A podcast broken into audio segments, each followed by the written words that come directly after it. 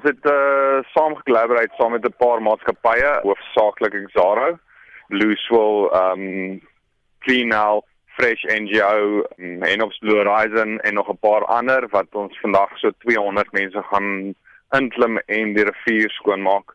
Hier's ons 'n uh, Poly Island wat ons noem, dis basies 'n eiland op die rivier wat net polistireen en plastiek bottels en sulke goed is wat jy actually op kan loop. Dit is so dig dat jy bo op die water kan loop. So uh, ons gaan probeer om daai skoon te maak en dan net areas om dit ook relatief skoon te maak. Hier so ons is by Royal Elephant Hotel mm -hmm. in Centurion. So uh, ja, ons gaan kyk hoe ver ons kan kom om daai gemors uit te kry. Hoe het julle op hierdie eilande afgekom?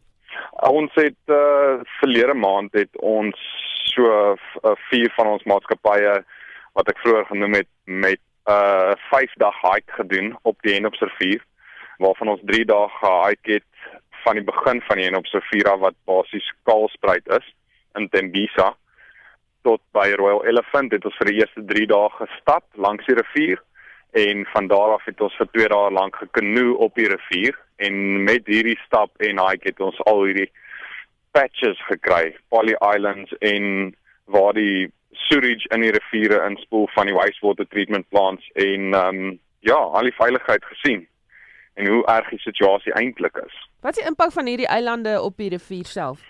Wel, die eilande keer dat enige van die visse wat daar dalk nog mag wees, kan op en af beweeg.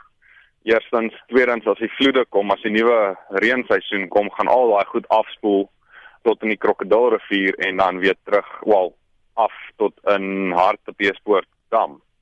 En as mens daaroor dink, is al hierdie plastiek wat dan afbreek in die water in mikroplastieke in en Hartbeespoort dam voer die hele Brits area as net groter van hulle drinkwater.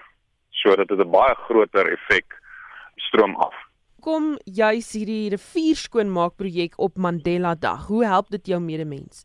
Dan baie van hierdie water um, daar's vroeër genoem deur een van die Exara mense dat 90% van Suid-Afrika se kraanwater kom tegnies van riviere af waar net 10% van ondergrondse water afkom.